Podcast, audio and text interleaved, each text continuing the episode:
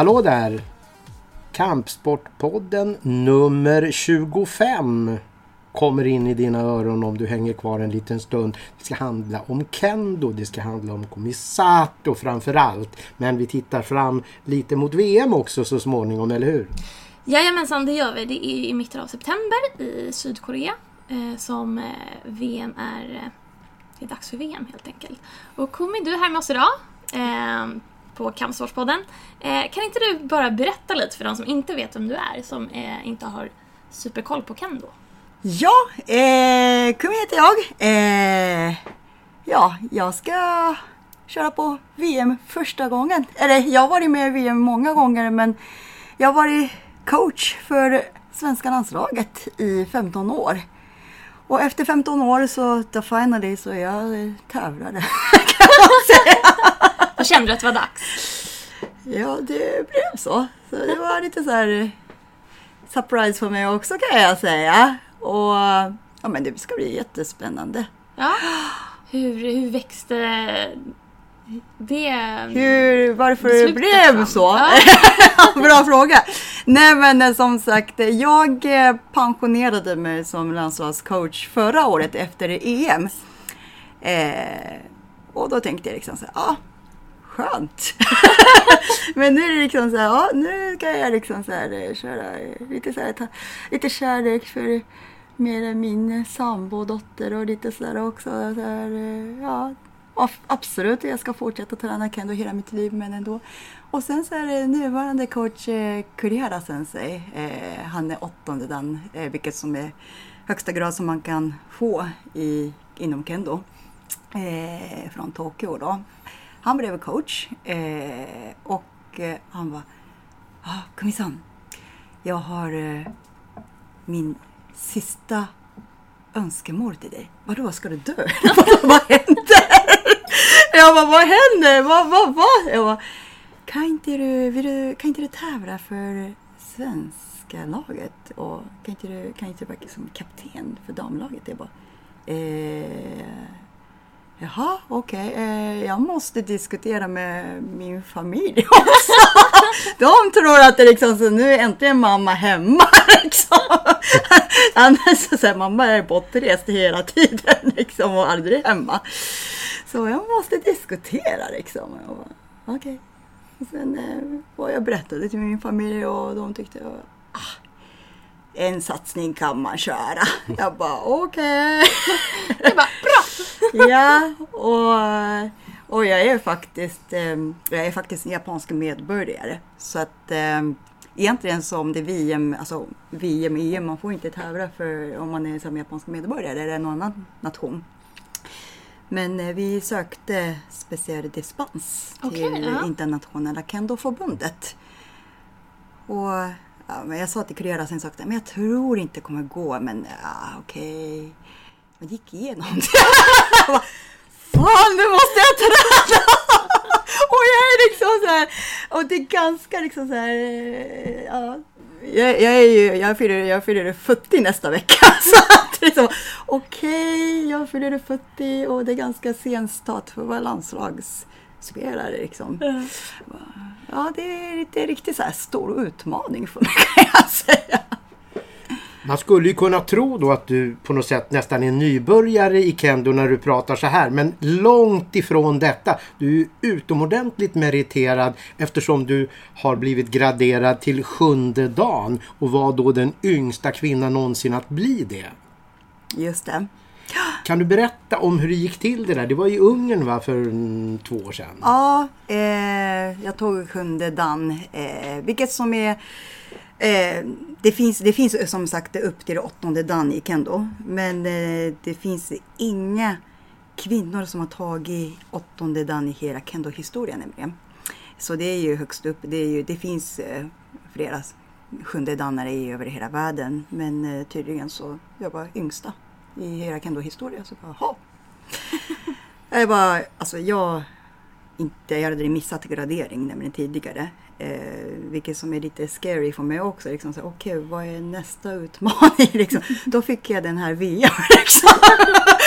Jag Okej. Det det kom ändå snabbt upp. Ja, så det är väldigt motiverande. Nej, men nu har jag tränat kendo sedan jag var fem, så nu har jag tränat kendo i 35 år. Så ja, och sen eh, fortsätter kendo är ju liksom så här, det kendo-träning slutar man aldrig. Alltså det, det är lite som så här, japanska kendo, eller kampsporter, alla kulturfilosofi, att även om det är mästaren är mästare, så man ska fortsätta hela livet. Det är det som är liksom kendo, judo, aido. Då är ju liksom så här vägtecken, japanska tecken. Och det är ju livsväg. Så det är meningen att man ska fortsätta hela livet. Så det är absolut att jag ska försöka liksom utveckla mig hela mitt liv. Liksom i kendo, både kendo och både mentalt och sådär också. Men den här eh, VM VM-grej var helt oväntad för mig också kan jag säga. Jag bara, jaha, 40 eh, bast som är nybörjare i... VM-debutant. Ja, just det. Ja. Men eh, för de som inte vet vad sjunde dagen innebär, kan du berätta lite vad... Sjunde dagen? Mm. Eh, ja, det finns eh, olika grader i, inom kampsport. Men eh, sjunde dan, det är ju det är inte bara handlar om man kan slåss bra eller man kan liksom ta bra poäng eller någonting utan det är mycket både fysiskt och psykiskt som krävs. Man måste liksom så här sprida ut det lite som en så här högre grad aura på något sätt. Det är, det är mysterium för mig också kan jag säga. så det är liksom så här, det är till exempel som det är så här sjunde dan, åttonde dan gradering. Det är liksom många äldre som eh, försöker att eh, få den graden nämligen. Eh, och sen eh, det, det brukar vara svårt men eh, ja, jag vet inte varför jag klarar den här. Om jag ska vara helt ärlig. Men det gjorde du. Men att man har en hög grad Innebär det automatiskt att man är framgångsrik när, man, när det kommer till mästerskap? Ja du, eh, det är självklart att det, liksom, det är ganska ovanligt att det är liksom någon sjunde dan kör i VM. De flesta, jag kan säga så här, så fort de klarar sig sjunde danare, de pensionerar sig som tävlare. Och blir... Det är ju tvärtom. Jag är tvärtom, jag är en av ovan, ovanlig person. Typ så här. Alltså, det är oftast många som, så fort man klarar sig så här sjunde dagen och då är det sånt så här, tävlar, så det är så här, slutar man tävla och sen så här, försöker liksom så här, satsa på domare, karriär och lite sådana saker. Jag tänk, ja, det, jag, jag brukar göra på till och med domare också men eh, ja, för min del var det verkligen tvärtom. Så Hur, hur känns det att vara, eh, ha blivit liksom en, en så stor kvinnlig profil inom kanon i Sverige just med i den här sjunde dagen och i det är läskigt. Ja, Det är jätteläskigt om jag ska vara helt ärligt. Eh, om jag ska vara helt ärlig när jag klarade sjunde dagen. Och jag tänkte liksom, jag trodde inte att jag skulle kunna klara mig på en gång heller. Så jag mådde jättedåligt första ett år. Det är ju ett stort ansvar. mm. Alltså att bära den här grad. Det är ett stort ansvar. Man måste verkligen skärpa Alltså jag måste skärpa mig liksom, verkligen hela tiden. Inte bara handla om kendo, liksom så här, hur jag lever, hur jag tränar, hur jag kör. Eftersom alla tittar på mig. Alla kommer att titta på mig och hur sjunde dagen kör. Och i min värld så är fortfarande liksom så i- jag kan säga så att i början av året, eh, vi åkte till Amsterdam för en kendo-tävling, internationella. Eh, jaha, Kumi kör ett match! Vilket som är ovanligt om någon sjunde dan kör det där liksom. Ja, ska du köra tävlingar? Ja, men man måste förbereda inför VM liksom. Jag måste eh, få in liksom tävling, jag måste få tillbaka tävlingskänslan. Och sen så här, jag har varit... Jag, jag tror att det just i bör, i bör- början, av början av våren var lite... Lite så här, i, jag var lite, lite vilse i min, vad är min kendo egentligen? Vad är tävling? Vad är sjunde dans tävlingskendo är? Jag var helt vilse. Jag grät varje dag och det var någon gång jag var på träning och så jag bara överallt så började så här hårt gråta. Så jag bara, känslomässigt. Väldigt känslomässigt. Ja. Och sen så här nu senast två, två månader, eh, jag bara, när som så här, efter liksom skickat in anmälning och klart, jag bara, bara ja, nu har jag inget val, det är bara kör. Är det lite lugnande? Att det så här, nu är det, nu, nu är det Är det- fixat klart, nu ska vi göra det här. Ja, nu är det Finns liksom inget inga- val. Nej. Jag har inget val, så det är bara att köra. Så först tänkte jag liksom så här, okej vad är saknas liksom i min kendo? Så tänkte jag liksom, nej jag måste gå ner i vikt. Så jag sa till coachen också att, nej jag måste gå ner i vikt. Jag kan inte vara bara någon 40-årig tant som är med på tävling som är bara tjock och smidig. Det går inte. Så, och sen för två månader sen så vi hade landslagsläger i Båsön. Sådana där eh, Riksidrottsförbundets eh, ja, vad heter det? Eh. Ja, Precis. med unga människor. Fan, vad har du förväntning för en 40 bast tant? ja, kör någon chins liksom? Så bara, Okej, börja nu Kung, varsågod. Jag bara, eh, varsågod, du kan börja nu. Varsågod. Plupp. Och sen släppte jag. Okej, ingen, fan noll. Ingen. Men eh, däremot så gick det väldigt bra med Utvecklingspotential. Ja, men det är så här, vissa saker bara, okej, det mesta var skit, men liksom så här, men ehm, 30 meters eh, sprinter, det var typ bland de bästa, så det var bra. Det var bra. Det var väldigt Helt bra. otippad för mig och för andra också. Nej men och sen, eh, sen dess, det, jag tror att det var den här eh, Båsanlägret tror jag att det var lite wake up call för mig också. Så sen dess har jag tränat sju, sex, sju dagar i veckan. Ja. Så nu har jag tappat 14 kilo efter två månader. Oj! Mm. Du har sen, har kört stenhårt Mm. uppladdning nu. Mm. Hur, hur ser annars uppladdningen ut så här inför ett VM? Ja, det är bara liksom så här köra. Alltså försöka bara liksom. Eh, jag kan göra min, jag kan visa min kendo i live. Det är det som är mitt mål. Så det är därför jag försöker verkligen träna upp både konditionmässigt, snabbhet och mental först och främst. Så att jag försöker verkligen bli liksom så här säkrare. Jag brukar säga till andra att ni måste köra er egen kendo. Ni måste göra liksom så här, ni måste veta vad ni gör. Och försöker prata med mig själv. Samma sak just nu. Jag försöker coacha mig själv liksom. Ja, men det är väl en Ja. super... Huvudsaken att eh, jag vet vad jag gör. Du kan ju skriva en bok nu för att jag menar 14 kilo på så kort tid. Alltså jag menar, vem skulle inte vilja veta hur man tappar 14 kilo på så kort tid? Det, kommer bli en bestseller om du skriver. Eller hur? Det är fantastiskt ju. Ja, men det är bara att köra hårt.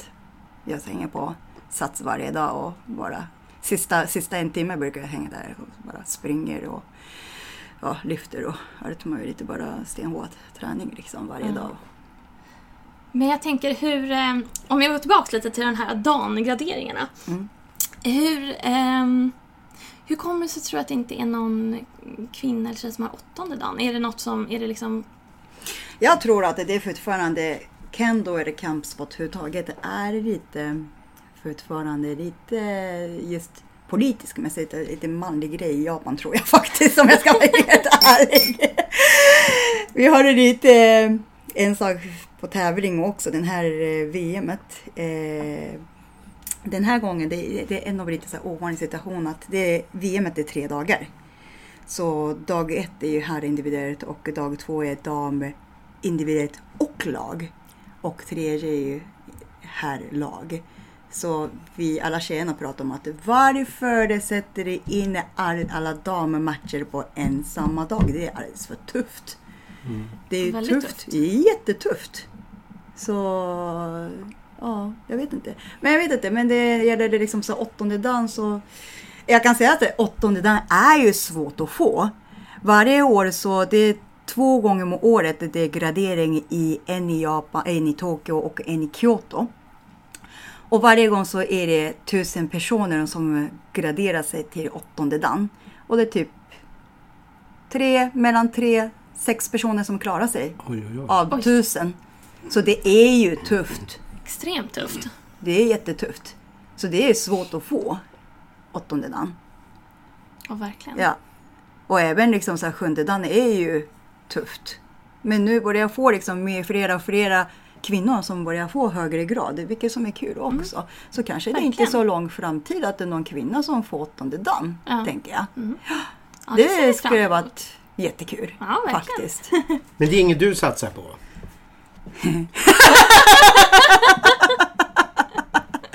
Jag ska inte prata för mycket nu. Jo, det är därför du är här. Ja, nej men eh, just nu så jag känner mig liksom, jag, mitt ansvar är att liksom, så jag ska verkligen skärpa till mig att jag ska fortsätta vara, jag ska utveckla mig att det ska bli verkligen bra sjunde dan.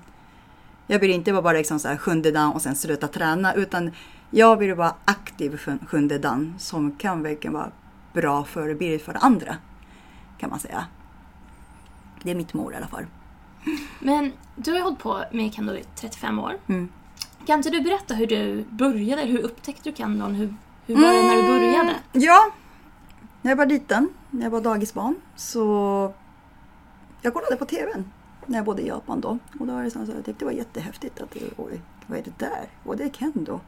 Och det fanns ju kendoklubb i min hemstad också. Så jag sa till mina föräldrar jag vill träna det där. Jag vill prova det där. Jag vill, jag vill verkligen göra det.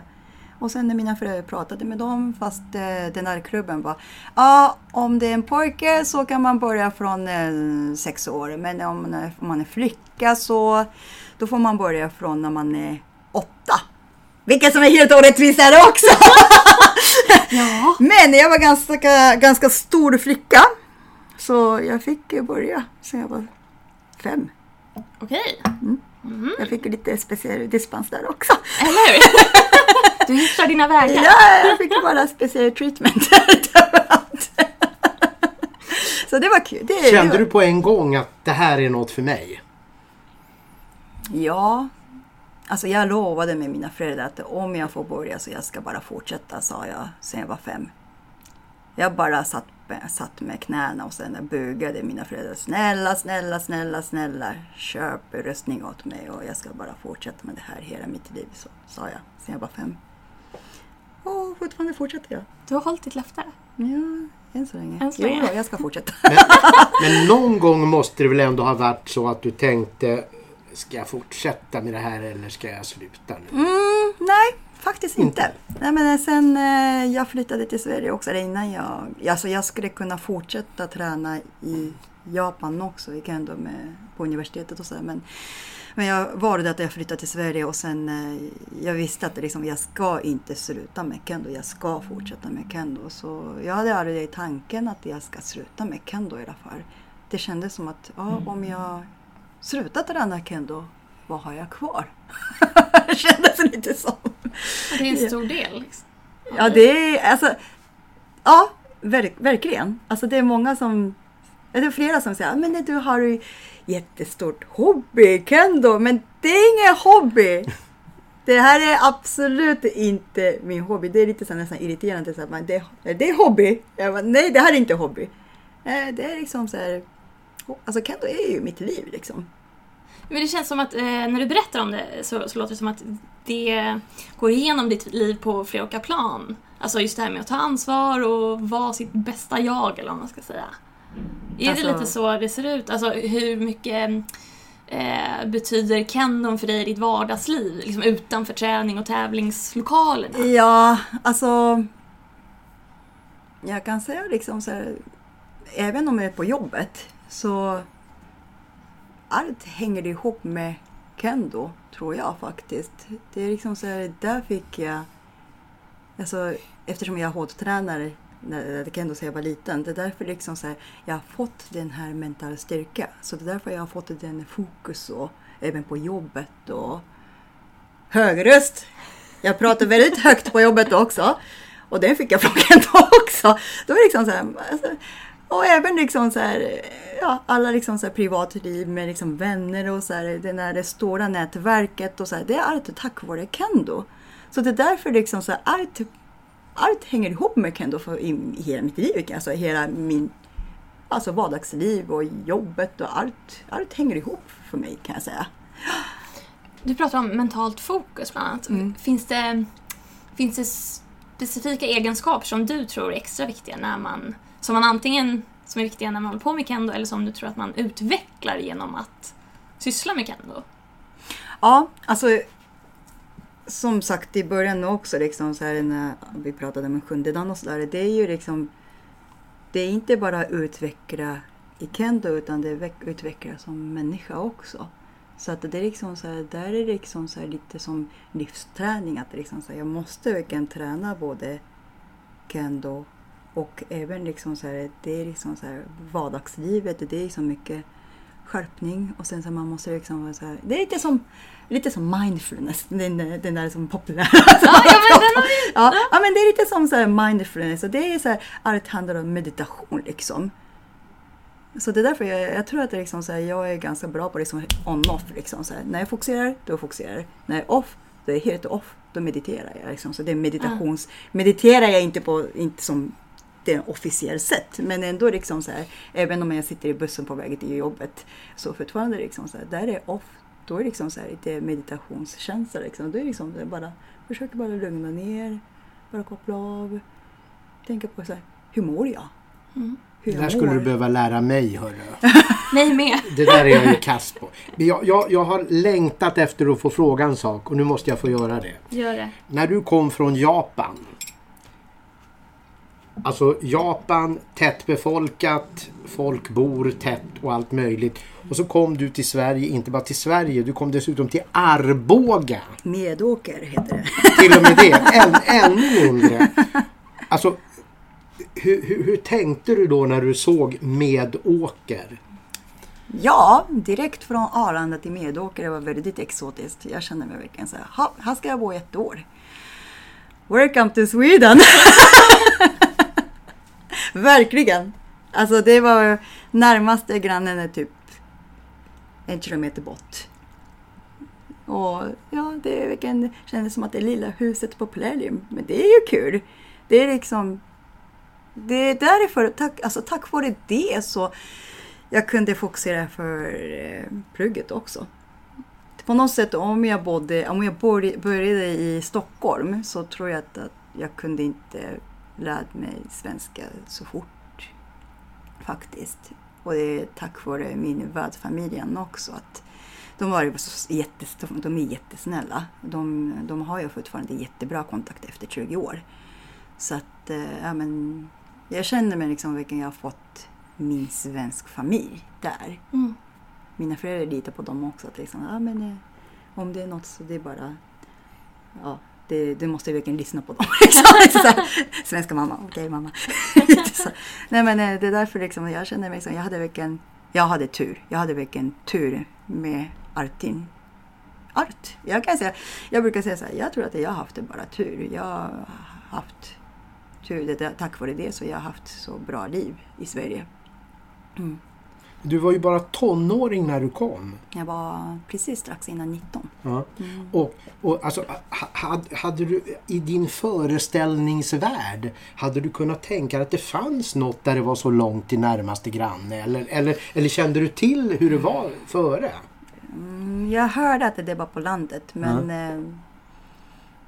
det var verkligen på landet. Men det är ju, man blir jordnära och vilka som jag aldrig varit. Alltså, när jag var i Japan, så när jag bodde i Japan så jag hade aldrig haft tid med gå på promenad och lite gå i skogen och sådär. Men nej, då var det verkligen så här. Eh, jag kunde liksom säga, jag hade tid för att kunna koppla av. Bara sätta mig i skogen och göra läxor och lite saker. så här. Så det var verkligen nyttigt år kan man säga. Det var verkligen nyttigt för mig. Ett sånt där boende, är det kendo-främjande skulle du säga? Ja, det kan man säga. Det kan man rätt säga. Men, eh, och sen så är det, och sen är första gången jag åkte till Stockholm Eh, då var det min värdfamilj som mamma har sagt Nu ska du åka till Stockholm, det är jättemycket folk och det är tunnelbana och lite så här och jätteförsiktigt med så här folk och lite så här okej. Okay. Jag bara skakade lite så okej, okay, är det så stort i huvudstaden i Stockholm? Nej, det var mindre stad än eh, min hemstad. okej, okay, två, tre linjer i Stockholms ja, okej. Okay. Ja, det klarade jag mig. Så. så det, kändes helt okej? Okay. Det kändes helt okej. Ja, jag tyckte det var precis lagom. Alltså, jag älskar Stockholm. Du vet, så här, Alltså, jag verkar älska Stockholm, det är därför jag är kvar också. Jag känner mig lite som så här, Sex and the City's Carrie. Så bara, ah, this is my city New York. Så känner jag samma, samma sak med Stockholm. Liksom. Jag älskar Stockholm. Liksom. Även eh, det finns eh, mycket natur, det är en fast huvudstad. Liksom. Så, och det är precis lagom. Liksom. Det känns som hemma. Liksom. Så det är därför jag vill inte flytta härifrån. kan man säga också. Du flyttade, från, eh, flyttade ner till Stockholm, var det länge sedan? Ja, jag bodde i Arboga, Köping i ett år. Okej. Ja, och sen flyttade jag upp till Stockholm. Ja. Så... Ja, men det här finns allting också så det är lagom. Det är enda som saknas det är direktflyget till Japan bara. Från Sverige. Just, just det. Men du Det- besöker Japan ganska ofta? Väldigt ofta. Ja. Väldigt ofta. Är det familj och vänner som lockar? Ja, och, eller, kendo? eller jobb, kendo. Okej, Ja. ja. Så jag var där för tre veckor sedan också. Och tränade där i värmen. i värmen. Mhm. Men du, apropå i Japan. Hur, hur, eh, hur är kendo i Japan? Hur stort är det? Vi förstår ju att det är liksom... Ja, det är nog den största kampsport i, i Japan liksom. Så det är kendo i stort. Väldigt stort. Så varenda skolor har ju kendoklubbar. Och, Ja, vi har ju fått återberättat av Jonathan som för närvarande är på semester. Eh, om, om eh, VM när det var eh, fullsatt alla dagarna. Eh, jag tror det var 17 000 ungefär fullsatt arena som var eh, utformad just för kendo. Eh, hur, eh, hur, är, hur, hur bemöts man som kendoutövare i, i Japan? Alltså när man har lite en högre grad som du har. ja, det, Finns det ett kändisskap eller vad man Nej, mera så. Men däremot så när man sitter innan träning och efter träning då får man sitta lite högre upp. Och bra treatment- där också. Men eh, när jag försöker lite så här, eh, försökt vara, försöker, försöker vara lite disk, diskret där liksom. Så att eh, jag, jag vill aldrig säga liksom så här, jag är sjunde dan på det viset. Utan jag vill vara verkligen diskret. Och bara för att jag vill ha bra feedback när jag är i Japan från olika tränare, olika senseier och sådär. Så det är därför liksom så här, jag verkligen försöker vara liksom diskret och få bra feedback, bra träning och lite så. Det är därför liksom jag vill inte prata för mycket eller för högt om att jag är sjunde dan. Jag brukar gömma, jag, bur, jag brukar aldrig säga att jag är sjunde dan faktiskt när jag är i Japan bara för att då är det liksom så här, eh, får inte så mycket feedback, då lika mycket feedback. Ah, så du har en liten taktik där Mm. på att få För att feedback. eh, jag är lite hungrig efter feedback. Mm, mm. För att det här får jag nästan aldrig feedback eftersom jag är mer tränare. Jag brukar säga till andra att men jag vill ha feedback. Ja, bra! Jag bara, eh, ge mig nu lite mer. Liksom, så, här. så det är därför liksom så här, ja, jag, det är liksom så här, bästa chans att kunna få feedback från olika personer i Japan. Det är det bästa som finns. Och nu kliver vi snart... Eller hade du något Trange? Ja, du var alltså, lite jag- sugen på en fråga ja, jag. alltså jag, jag. Jag undrar ju när det gäller kendo då eh, med tanke på att det ska komma VM nu. Alltså vilka kvaliteter är de viktigaste när det gäller att vara framstående i en sport som kendo? Vad, vad, är, det, vad är det absolut viktigaste? Är det mentalt eller är det fysiskt? Både och tror jag. Både och. Lika mycket? Lika mycket. Jag tycker det är lika viktigt faktiskt. För att eh, alltså även om man kan bra, även om man liksom slår snabbt eller hårt och lite, lite så här, alltså även om man kan liksom så här, köra duktig. Men om man kan inte göra det i live, då är det helt värdelöst. Alltså om man kan inte köra 100 eller knappt 50 Även om man är liksom så här duktig i träning. Då är det helt värdelöst. Det är därför mental är så pass viktigt. När, när, man, när man kollar på kendo då, då, då, då framstår det ändå mycket tydligare än vad man skulle kunna tro. Om man tittar noga att fotarbetet är nyckeln till att vara framstående. Att man, att man flyttar fötterna väldigt smidigt och kort. Va? Ser det ut som. Ja, lite, lite olika, alltså varierande fotarbete. Men eh, man måste använda mycket fötter och ja, man måste använda hela kroppen nästan. Men eh, fötterna är ju bland annat viktigast också. Absolut. För det ser man ju nästan inte. Alltså, det kommer ju in en, en människa i, i en dräkt som är, är ganska heltäckande. Så om man, inte, om man inte är inriktad på det så är det ju ingen som tänker på att titta på fötterna. Nej. Eller hur? Utan man tittar på, på vapnet och man tittar på, på masken och allting därför att det, det är det man på något sätt ser som huvuddelen. Men om man väl tittar på fötterna och hur, hur de rör sig så, så ser man på något sätt att det, det är ett väldigt förfinat sätt att röra sig. Är det inte det? Ja, alltså, och sen så är vi har eh, alltså, grunden så vi har två olika sorters fotarbete. Eh, En som är suriashi som man slipar på golvet kan man säga. Vi brukar säga moppa på golvet. och, sen, eh, och sen hoppa fram, det här hoppsteget, så att man kan nå motståndare. Och sen så är det, även om man är nå, man måste, alltså om man får poäng i kendo, eh, då är det, man måste ha bra kroppshållning, man måste skrika bra och sen träffa bra också. De tre är viktigast, annars man får, om det saknas någon av de tre så får man ingen poäng.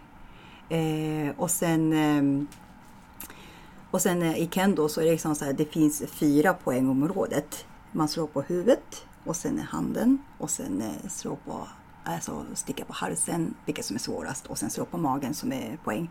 Och sen när man precis träffar, då skriker man poängområdets namn samtidigt. Mm. Inte innan, Nej. inte, inte utan samtidigt. samtidigt. Ja. Nu kommer jag! Ja, så huvudet heter män. Eh, så då skriker man liksom. Man skriker det hela tiden. Wah! Det kan vara vad som helst. Wah! Men, eh, och sen försöker skrämma och lyfta upp sig själv också. Skrämma motståndare. Och sen även om man skriker bra, då är det som så här, man blir liksom så här piggare också på något sätt. Och sen så här, precis träffar, alltså svärdet, spetsen träffar på huvudet, då säger man men. Men i live så brukar vara men! Så här, mera skrik liksom. Men det ska vara tydligt att det, man ser ett poängområdet. Men, kotetto! Vad heter de andra då? De, de andra förutom män? Eh, hand heter kotte, Kotte. kotte, kotte, kotte! Och sen eh, magen heter då, då, då. Och sen eh, halsen, sticka på halsen, det är svåraste poäng då, eh, heter tski. Ski. Tski. Men där är lite varierande också. Vissa säger så här. Åh, tski! Bara, nej det räknas inte, jag hörde inte vad du sa. ja, ja. Men när det är svårat då, ski, får man fler poäng då? Eller är det samma oavsett vilket av de Det här? är ett poäng. Ja, så det okej. är under, det beror på vilken klass, men fem minuter eller något sådär. Så då är det fem minuter och sen eh, man tar två poäng först, då vinner man. Det funkar 1-0 också om tiden går ut. Så att ibland kan det bli förlängning.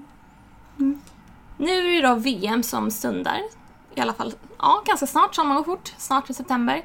Eh, det hålls vart tredje år, Ja. VM. Eh, nu har vi hört lite om Japan är såklart favorittippade. Eh, vad finns det för andra eh, nationer som är stora konkurrenter? Korea. Hemmanationen? Mm. Mhm. Precis. Så det brukar vara i finalen brukar vara Japan mot Korea liksom. Okej. Så ja, vi damerna, vi kommer att köra mot Korea. Vi är samma pool. Så det blir spännande! Spännande! det blir väldigt spännande kan jag säga. Nej men eh, så att eh, vi är Korea, Sverige, Thailand och Turkiet. Vi är fyra pool och två går vidare då. Så ja men det här är Det verkligen spännande. Ja jag ser verkligen fram emot att köra mot koreaner. Men är ni bättre än Thailand och Turkiet då, Sverige? Alltså, jag vill säga ja, men eh, det vet man aldrig. Så Nej. det är liksom eh, upp till oss. Det är upp till oss och jag vill inte säga kaxigt, men eh, det är upp till oss. Det, det är ändå VM så man, det finns inga lätta motståndare om man säger så.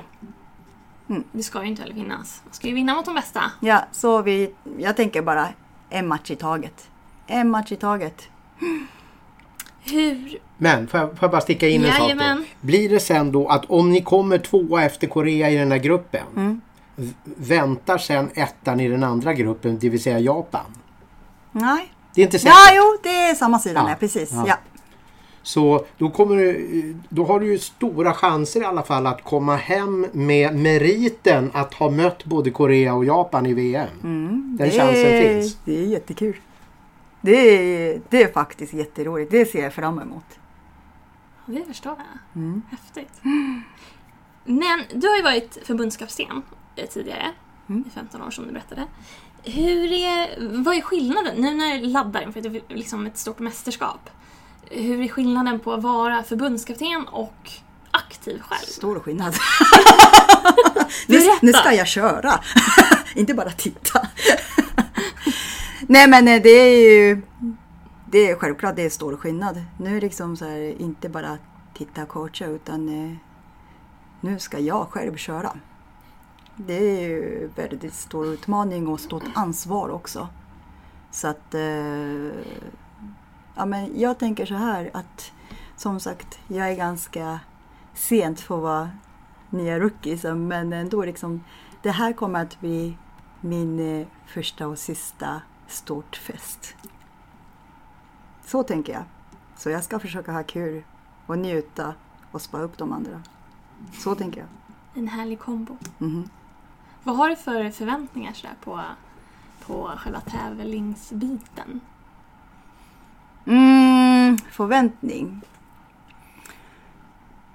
Jag förväntar mig inte så mycket faktiskt om jag ska vara helt ärlig. Jag har förväntning för... Alltså jag... Det här är faktiskt, för min del, det här är som sagt det är ju jättestor utmaning. Men det är fortfarande, det här är ju bra tillfället att få den här utmaningen och utveckla mig. Så efter 15 år coachjobb och sen eh, efter jag klarat med sjunde dagen och sen eh, jag får lära mig få vara tävlare när jag är 40. Det är ganska intressant. Så det här är ju bra tillfället att lära mig mycket saker kan man säga. Är det någonting du har fokuserat på specifikt nu under liksom uppladdningsperioden inför VM? Från när du bestämde dig för att nu kör vi? Mm, just nu så jag vill få bra kondis och eh, bra form, och snabbhet. Alltså, jag vill bli så här, snabbare också. Så det är därför jag... Eh, ja, jag tycker det är faktiskt kul att träna varje dag. Så att det är liksom så här, varje dag som har fokus fram till VM. Jag vet inte vad som händer efter VM. Ja, vad hände Så här, efter VM? Ja, exakt. Det är nästa fråga liksom. Det är, men just nu så jag bara tänker på den dagen, 14 september. Bara jag tänker på det. Jag bara tänker på det här just nu. Varje dag. Mm. Ingenting annat. Jag har ingen liksom så här, andra förväntningar eller någonting hur jag ska köra någonting. Utan det är bara om man ska vinna då måste man tänka på att då måste jag slå på alla. Så då måste tänka på en sak i taget. Jag, är, jag måste verkligen tänka på en sak i taget. Så när det kommer till liksom så här tävlingsbana och då ska jag bara köra. Eftersom alla är så olika motståndare. Så jag har ingen förväntning. Jag bara tar emot den som kommer kan jag säga. Mm. Har du någon koll på eventuella motståndare med en liksom nations... Ja, det är klart att jag kollar på lite Youtube och sådär också. Men... Eh, nej, det är mer... Det är bättre att satsa på att slipa på mig själv istället för tak, tänka på taktiken. Mm. Man vet aldrig vem som ska köra emot. Jag har ingen aning om vilka de är. Jag känner inte dem. Kommer man att visa eh, tv-sända från VM i Kendo i Japan? Jag vet inte, men det brukar gå på stream i alla fall. Okej. Mm. Sen får vi se. Hoppas vi att vi också får tillgång till någon stream härifrån. Ja, det tror jag. Det tror jag. När det gäller kendo då. Hur ska kendosporten kunna växa här i Sverige? Ja, det är faktiskt en bra fråga. För att kendo är inte så jättestort i Sverige. Så det är därför det som är tufft att få sponsor för landslaget till exempel. Det är, jag tror att det gäller för många kamp, kampsport kan jag tänka mig. Men det är kendo också, vi har det jättetufft att få sponsorer så det är liksom så här när jag åker till kendoläger och lite sådana saker. Det är liksom så att det kostar, e, alltså det är ganska mycket egna kostnad kan man säga. Så att eh, bland annat så vi försöker liksom så här, ibland så vi gör kendo show. Eh, och sen eh, ja, vi lite så här landslagsspelare. Vi gör liksom lite så här kendo show, kendo prova på lite så här på mitt jobb och sådär. Så, och sen är där är ju stort inkomst för oss liksom. Det, varenda krona är ju viktigt för oss. Så, men vi försöker liksom eh, göra, det här Kendo Show är faktiskt bra för att då är liksom det bra reklam också för Kendo Sverige. Och kanske liksom så här, om någon som tycker det är intressant så kanske börjar med Kendo, ja men det här verkar kul. Jag tyckte det var bästa alltså, reklam har varit faktiskt eh, Den sista samurajen för många år sedan. Den här Tom Cruise. Då var det verkligen så här hela Sverige, alltså kendoklubbar, det var verkligen fullt, fullt varje termin det, med anmälningar. Alltså även eh, våran klubb var också typ så här, varje termin så var det över 200 alltså personer som sökte liksom så här, vill träna kendo. Tack vare Tom Cruise liksom. Mm. Men eh, ja.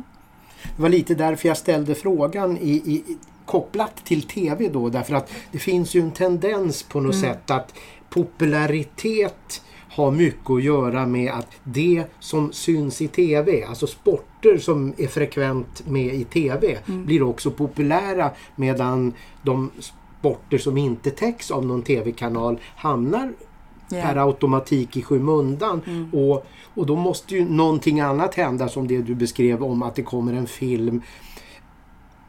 Alltså att om, om någon skulle nå någon framgång, skulle det tror du kunna förändra det här? Absolut, det tror jag också.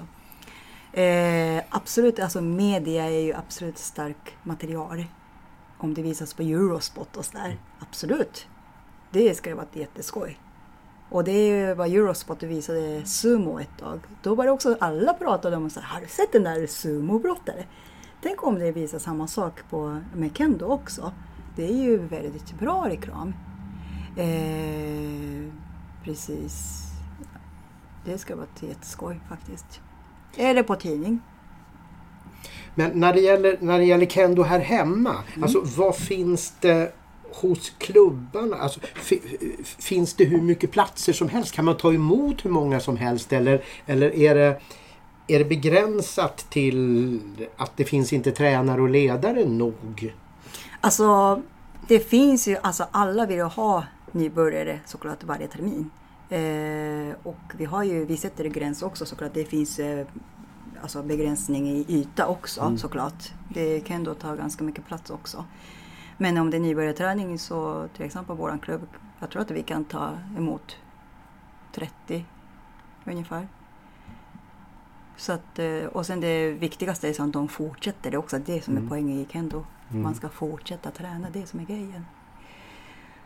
Upplevs det som en svårighet? För jag tänker i, i dagens samhälle när allt ska gå så snabbt och det ska vara resultat fort, det ska prestation eh, som kanske går lite i, krockar lite med den här meditation, mindfulness, eh, att hålla på hela livet.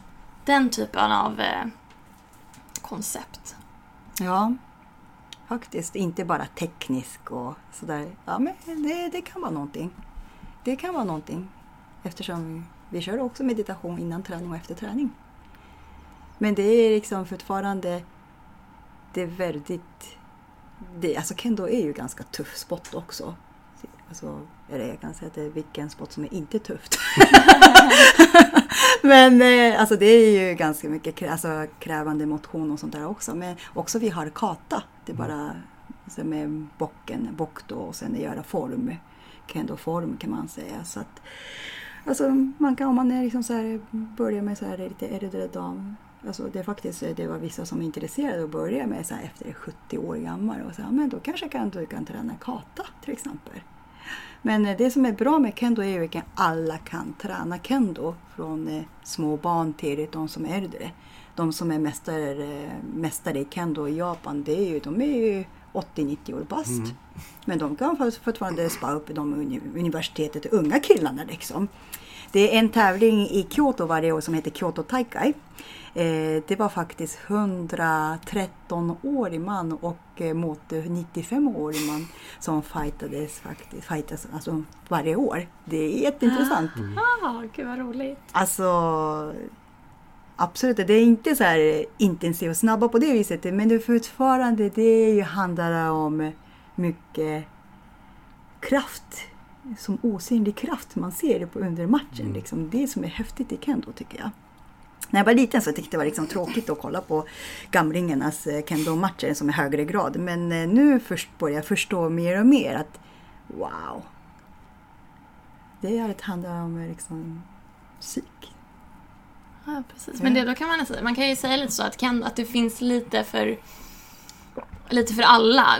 Liksom, det finns den här mentala, lite mindfulness-delen men det finns också det här lite mer fysiska. Mm, mm, Så man kan hitta lite Ja, om man, om man vill mer fightas eller köra lite mer kata. kendo exercise. Precis. Nej. Ja men eh, det är absolut, det är liksom, det är, vissa klubbar gör eh, roliga, så här, hitta någon rolig koncept, nya träningsmetoder. Så jag tycker det är jättebra satsning faktiskt. Det är verkligen imponerande. Alla verkligen försöker hitta någonting, nya saker. Och jag är inte emot att göra några nya saker eh, med kendo, även om det kendo är traditionellt. Eh, kanske ni har också talat om att det liksom så här, kendo kanske ska bli OS-sport. Eh, om det var OS-sport så är det lättare att kunna få sponsor Ja, såklart. Absolut. Ja. Och sen eh, den där, eh, det har varit snack om att eh, inför eh, 2020s OS i Tokyo också.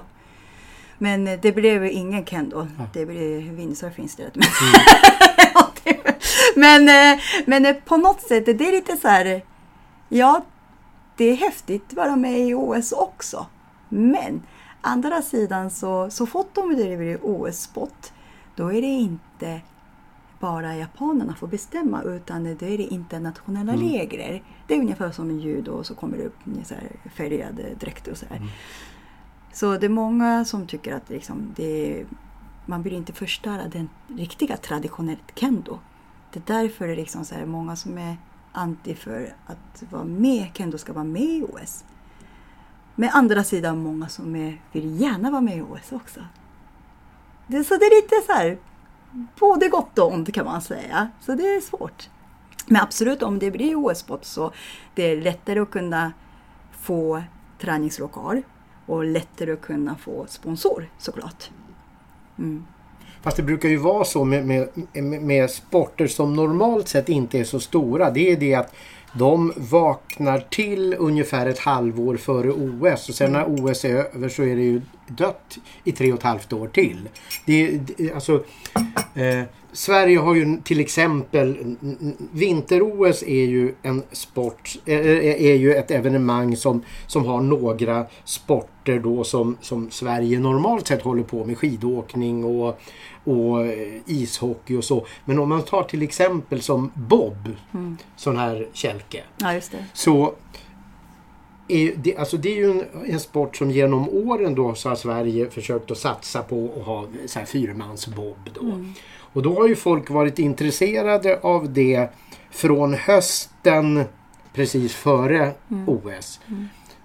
Men sen, så, sen dör ju intresset igen därför att det finns på något sätt ingen, ingen gedigenhet i, i själva intresset. Och, och, och, och, då, och då är det dessutom så att intresset kring själva sporten är inte heller så stort därför att det handlar bara om vinner om någon medalj eller inte. Och vinner om ingen medalj så ah, vad var det där nu då? Så att nu, nu för tiden, nu har vi ju ingen som håller på med med, med fyrmansbob längre och, och, och, och rådel och, och skeleton sådär när man åker kälke på ryggen och på magen. Det är heller ingen svensk som håller på med överhuvudtaget. Så det, det är ju väldigt svårt att, att få liksom stöd för att hålla på på elitnivå om man inte håller på med en sport som är i TV. Mm, mm, mm, mm, mm, precis. Det är ju ödet som ja. på något sätt styr Mm. den verksamheten. Och, och, så det är väl, att, försöka komma in på skolnivå eller något. Att få, få visa upp för för, för, för, för barn och ungdomar. Mm. Att, att få några där att bli intresserade som, som skulle kunna vara vägen. Mm. Eller hur, hur ser du på möjligheter? Ja, jag tror att det var vissa klubbar som eh, samarbetar med någon skolan tror jag. Jag har talat om i alla fall. Eh, och undervisa till barn i skolan och så. Så det tycker jag faktiskt absolut är jättebra. Men visst. OS i all ära. Mm. Eh, men nu är det faktiskt VM som stundar och vi får önska ett stort lycka till Tack! i september och tack för att du kom förbi Kampsportspodden. Tack!